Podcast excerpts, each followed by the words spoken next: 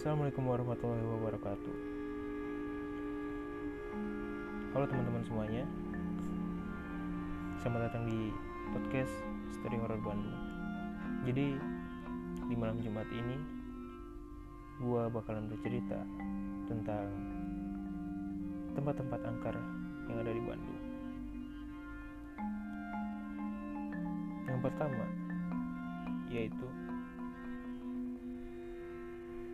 rumah kentang. Siapa sih yang nggak tahu rumah kentang gitu kan? Lokasinya juga udah terkenal kankerannya terus udah pernah diangkat ke layar lebar juga. Judulnya juga sama lagi layar, apa rumah kentang juga. Lokasinya ini di di Jalan Aceh ya. Dan satu hal yang menarik di sini di rumah kentang ini tentang ceritanya tentang kebenarannya ini benar atau enggak sih? Ini mitos atau fakta sih? Ini yang sering kali dipertanyakan sama orang-orang ya dan gue pun belum tahu ya. Gue cuman menelisik asik menelisik apa e, mencari tahu juga ke, tentang kebenaran si cerita dari rumah kentang ini gitu. Ada yang bilang e, uh, sejarah si rumah kentang ini angkernya itu karena ada genderuwo yang udah tinggal lama di rumah kentang. Terus ada juga seorang ibu bisa tragis seorang ibu yang menjatuhkan bayinya saat memasak kentang.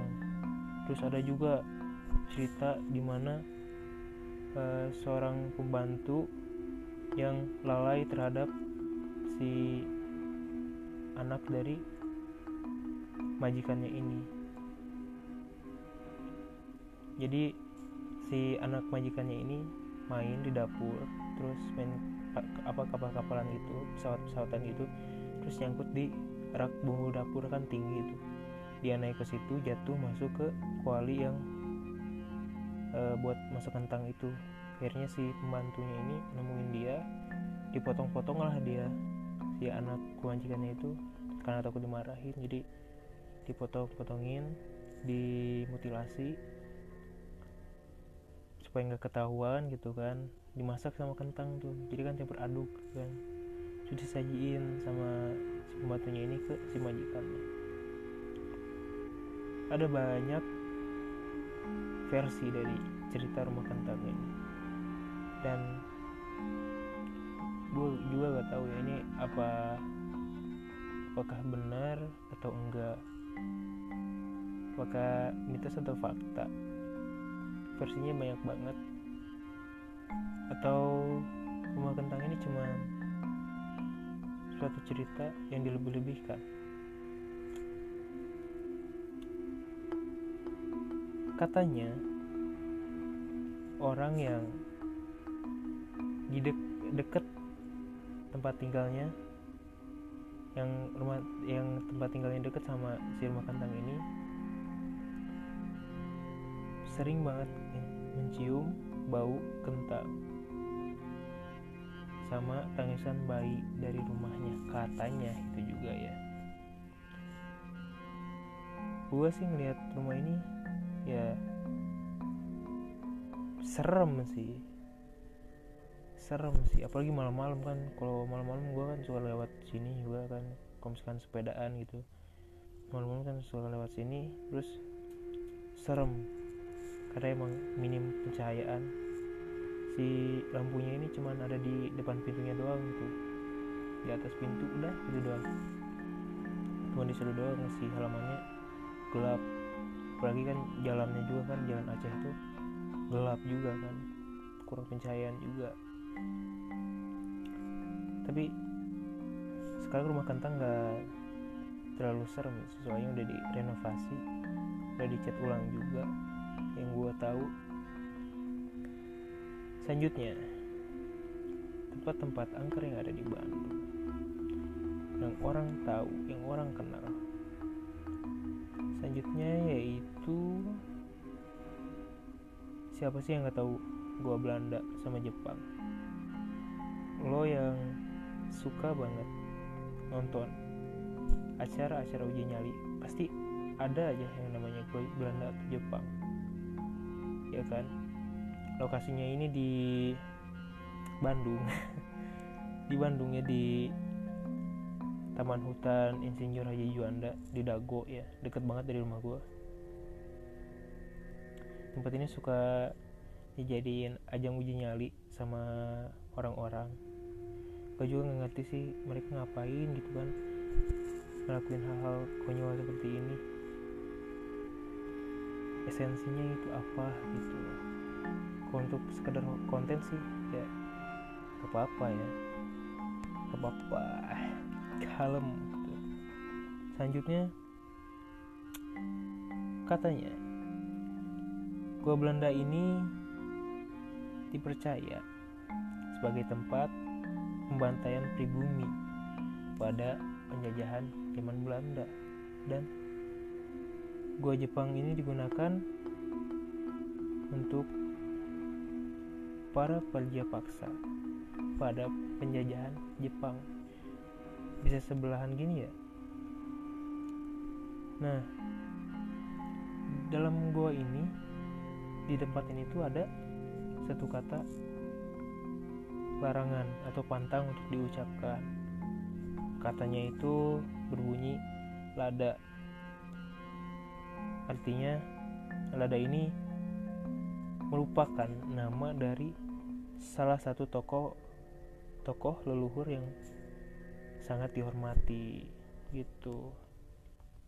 Gue pernah sih nonton uh, waktu SD itu waktu, waktu SMP masih ada acara dunia lain kalau nggak salah kan? Yang suka uji nyali uji nyali gitu kan. Uji nyalinya di mari nih. Terus kocak-kocak banget lagi. Masih di tempat horor bisa ketawa-ketawa gitu kan? Kan aneh banget ya orang. Ke next. Selanjutnya itu ada jalan babakan Siliwangi siapa sih yang nggak tahu jalan babakan Siliwangi? Yang identik dengan boneka. Jadi jalan babakan Siliwangi ini emang terkenal angker di Bandung. Cerita horornya yang biasanya terjadi di jalan babakan Siliwangi ini bukan biasa ya cerita horor atau sejarah si keangkeran jalan babakan Siliwangi ini dimulai pada tahun 1980-an ya di mana ada kecelakaan yang menewaskan anak yang sedang membawa boneka. Bonekanya itu dipercaya oleh masyarakat terlempar dan menggantung di salah satu pohon di jalan Babakan Siliwangi. Soal cerita ini, kalau nggak salah Risa Saraswati juga pernah nulisin ceritanya gitu, yang hampir relatif sama dalam salah satu bukunya tentang si Jan Babakan Siliwangi ini ya dan Jan Babakan Siliwangi ini juga pernah kalau nggak salah pernah dijadiin film juga tahun 2010 2015an gitu. Gue kurang ingat juga ya. Gue juga sering lewat sini sih. Gue sering juga sih misalkan mau ke daerah Punclut itu kan buat makan-makan. Biasanya orang-orang Jakarta tuh orang luar daerah tuh yang biasanya suka makan-makan ke situ tuh ya creepy sih. Apalagi kalau malam. Pencahayaannya cuma ada di pinggir-pinggir doang. Belum lagi pohon beringin yang identik dengan keangkerannya. Next di sini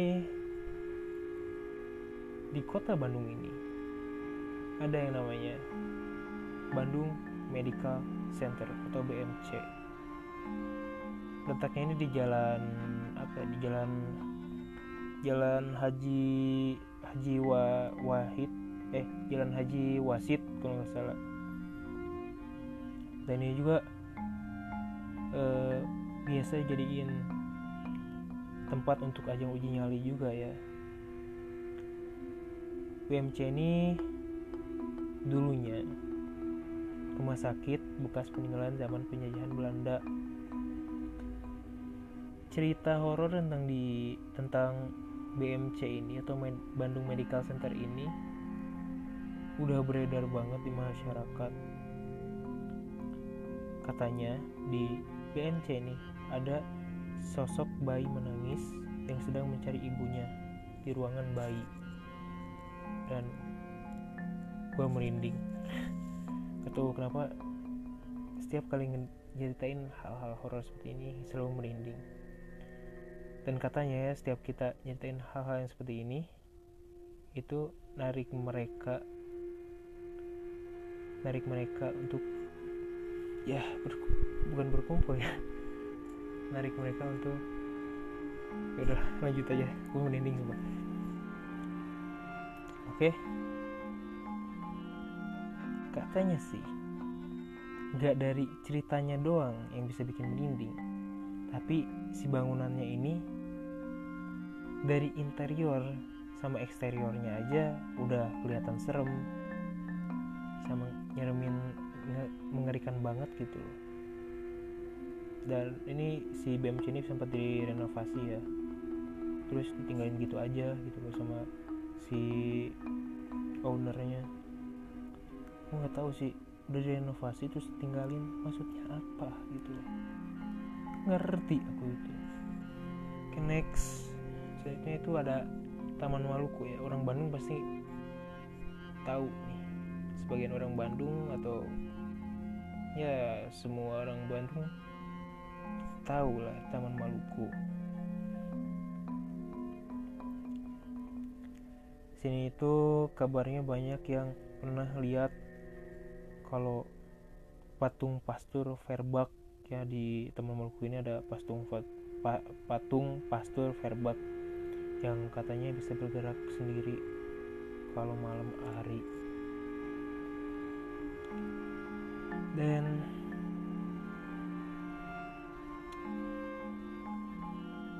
katanya gak cuman bergerak posisi dari patungnya bisa rubah-rubah sendiri. Dan ini bikin si Taman Maluku ini jadi lebih nyeremin lagi, lebih creepy lagi. Tapi gua nggak tahu ya, ini kebenarannya kayak gimana, ini mitos atau fakta. Dan gua pun jujur gua pun belum pernah main ke sini atau mungkin gua lupa. Dan ya ini serem, serem banget selanjutnya yang gue tahu itu uh, museum-museum ya. Kayak yang di Tegalega daerah Tegalega kalau nggak salah di Tegalega Bandung itu ada museum Sri Baduga.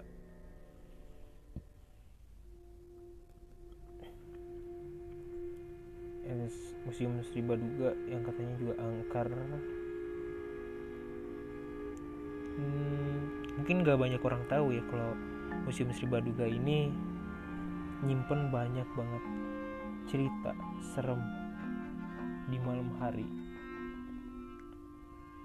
Ceritanya di museum ini datang dari si lagi-lagi dari tim jurnalisa yang emang mereka itu udah biasa ngelakuin penelusuran ke tempat-tempat mistis ya. Katanya di Museum Sri Baduga ini sering banget muncul sosok menir Belanda yang bisa atau lancar bahasa Sunda. Dan gak hanya itu ada juga sosok ibu-ibu berkacamata sama sosok yang tertawa dan menangis. Gue ngerti ya sosok yang tertawa dan menangis itu sosok apa gitu loh. Tertawa dan menangis itu kan bisa jadi manusia ya bisa bisa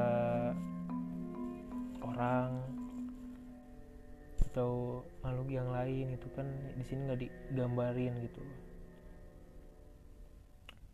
Dan gue sering sih kalau untuk lewat musim Sri Baduga ini emang sering. Tercup, uh, terbilang cukup sering. Karena bapak gue itu dulu jualan di daerah Kopo dan ada gue tambahin lagi.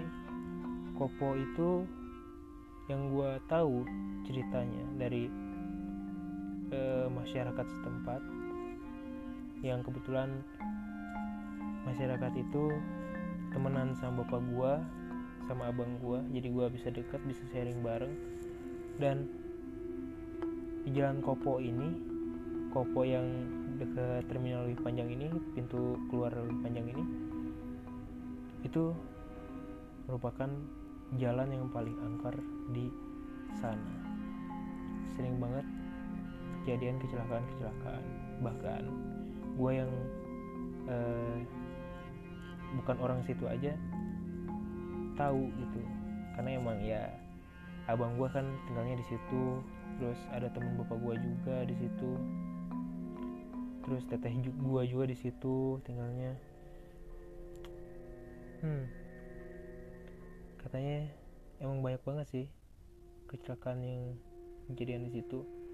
Yang gue dengar sih ada orang kelintas bus. Cuma kan itu terminal kan terminal bus ya. Terminal bis. Jadi ada orang yang kelindas bis. Dan bentuknya udah gak bisa dikenalin lagi kalau nggak salah sih di depan apa ya depan bengkel motor apa gitu. Dan itu horornya katanya sampai ke rumah-rumahnya gitu. Sampai ke rumah-rumahnya sampai ke gang-gangnya.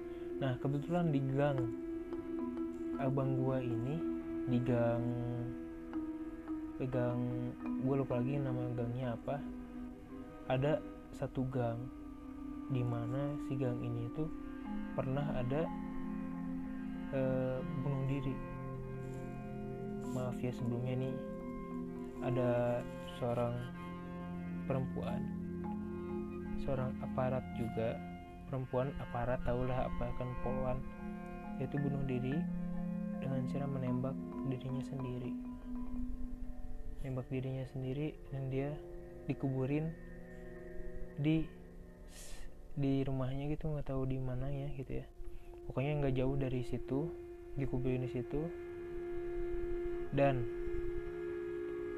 cerita yang gue dapat dari abang gue bahwa bukan cerita juga doang sih pengalaman juga. Dia katanya pernah melihat sosok itu berdiri depan dia di dalam gang yang sempit dan gelap itu gue ngerti juga sih ngapain abang gue masuk ke situ ngapain abang gue lewat situ gitu kan. Padahal ada gang lain gitu loh. Jadi si gangnya ini ada satu gang yang buat mobil terus sebelah kirinya ini ada gang lain dan gang kecil gitu kan. Nah gang kecil ini yang tempat bunuh diri ini. Nah bang gue lew malah lewat situ gitu loh. Padahal masih bisa uh, lurus. Dia malah belok ke kiri ngambil ke kiri gitu loh. Itu anehnya sih. Aneh juga sih abang gue ngapain gitu loh. Nggak ada nggak ada pikiran. Anjay anjay. Dan kalau bahas tentang kopo sih kayaknya nggak ada habisnya sih kalau bahas itu. Dan menariknya lagi di gang ini tuh di sekitaran gang yang tempat abang gua tinggal ini tinggalin ini banyak banget kejadian kayak bunuh diri. Bunuh diri terus maling penampakan dan lain sebagainya. Gue pengen nyeritain tapi gue takut musik uh, si sosoknya ya tapi mungkin gue bakal nyeritain di next time lagi. Oke? Maaf terlalu ke mana-mana ceritanya. Oke next. Ada jalan Cipaganti. Orang Bandung khususnya orang yang di daerah Sukajadi. Sukajadi gitu kan. Jalan Cemara Ciampelas yang ke arah Ciampelas pasti tahu jalan ini jadi ceritanya.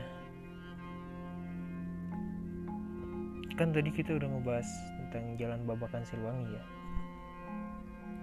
Sekarang kita bakal ngebahas jalan eh jalan jalan Cipaganti. Sebenarnya jalan Cipaganti ini kelihatan bagus. Kalau kalau kalau waktu-waktu siang pagi ini bagus banget. Saya pinggir kiri kanan itu pepohonan ya. Terus ada rumah-rumah juga. Tapi menurut sejarah nih jalan ini itu merupakan jalan yang cukup ditakutin pada zamannya. Karena di jalanan ini tuh kompleknya bangsawan Belanda gitu loh. Dan uh, urban legend di jalan ini tuh katanya ada sosok pendekar tanpa kepala yang suka nampakin dirinya di malam hari. Dan itu bikin gue merinding bikin gue uh bikin gue jadi gimana ya jadi bulu kuduk gue jadi meri, jadi berdiri semua. Dan si sosok ini tuh biasanya muncul waktu jam satu satu pagi gitu ya menjelang jam satu pagi ke bawah kalau nggak salah ya. Dan katanya ada yang nyebutin juga kalau di jalan Cibaganti ini banyak banyak penampakan yang merupain nyerupain korban-korban kecelakaan yang ada di jalan Cipaganti ini. Ya jalan Cipaganti ini emang enak buat dipakai kebut-kebutan sih dan untuk kecelakaan sih gue belum pernah tahu ya informasinya tentang jalan Cipaganti ini. Mungkin juga mungkin banyak mungkin orang lain tahu tapi gue nggak tahu ya. Gue juga sering lewat sini sepedaan lewat sini. Kebetulan hobi gue itu sepedaan. Setiap malam gue sepedaan lewat sini dan jalannya itu enak enak banget buat sepedaan udah kayak sprint sepeda do, udah kayak apa udah kayak sprint sepeda gitu loh. Soalnya jalannya dari atas ke bawah kayak turun gitu loh. Nah emang creepy sih walaupun banyak mobil motor lalu lalang gitu kan. Tapi kiri kanannya lihat aja bos. Apalagi ada hotel yang menurut gue itu hotel paling serem sih walaupun masih beroperasi. Hotelnya itu gede. Dan kelihatannya itu bukan kayak hotel. Malah kelihatan kayak kayak rumah orang kaya. Orang gedongan dan itu creepy banget. Yang nginepnya pun kalau nggak salah yang gue lihat ya yang gue pernah lihat tuh dari mobil mobilnya itu ada empat atau lima seharinya itu. Yang gue lihat itu pun yang gue lihat yang nggak tahu kalau lagi uh, ramenya kayak gimana. Next kita ada eh kita ada. Next ada tempat angker lainnya. Dan namanya itu Gedung Panti Karya. Ini tuh di daerah di daerah BIP Bandung Indah Plaza ya di pusat kota banget. Dulu waktu PKL sering banget lewat sini dan PKL kebetulan gue kan jurusannya hotel ya. Hotel gue pun gak jauh dari si gedung Panti Karya ini. Gua yang sering melihat gedung ini punya pikiran kalau ini gedung bekas kebakaran atau apa gitu. Kok kosong banget gitu. Kan emang kelihatannya emang serem sih. Serem banget. Secara kan dari suasananya aja udah nggak enak gitu. Lumayan luas lah ini gedung. Katanya nih si gedung ini dihuni sama makhluk-makhluk halus. Si gedung ini tuh pernah pernah juga berfungsi normal. Tapi setiap usaha yang dilakuin di gedung ini itu selalu nggak berhasil sampai akhirnya terbengkalai lagi sampai sekarang. Usut punya usut nih banyak juga orang yang percaya di gedung ini itu ada aura mistis yang nyelimutin tempat si gedung ini. Ceritanya urban urban legendnya itu ada sosok anak kecil yang nunggu orang tuanya. Terus ada juga sosok wanita sosok perempuan yang mati bunuh diri di gedung ini itu bikin gua merinding. Gak tau kenapa ya setiap kali ngebawain cerita yang kayak begini-beginian tuh bulu kuduk gua merinding. Selalu merinding. Next gak jauh dari pusat kota Bandung juga ada yang namanya Museum Pos Indonesia. Tahu lah yang tinggal di Bandung lagi Indonesia mungkin. Masyarakat Indonesia mungkin udah pada tahu ya Museum Pos Indonesia. Tadi kan ada Museum Sri Baduga sekarang kita masuk ke Museum Pos Indonesia.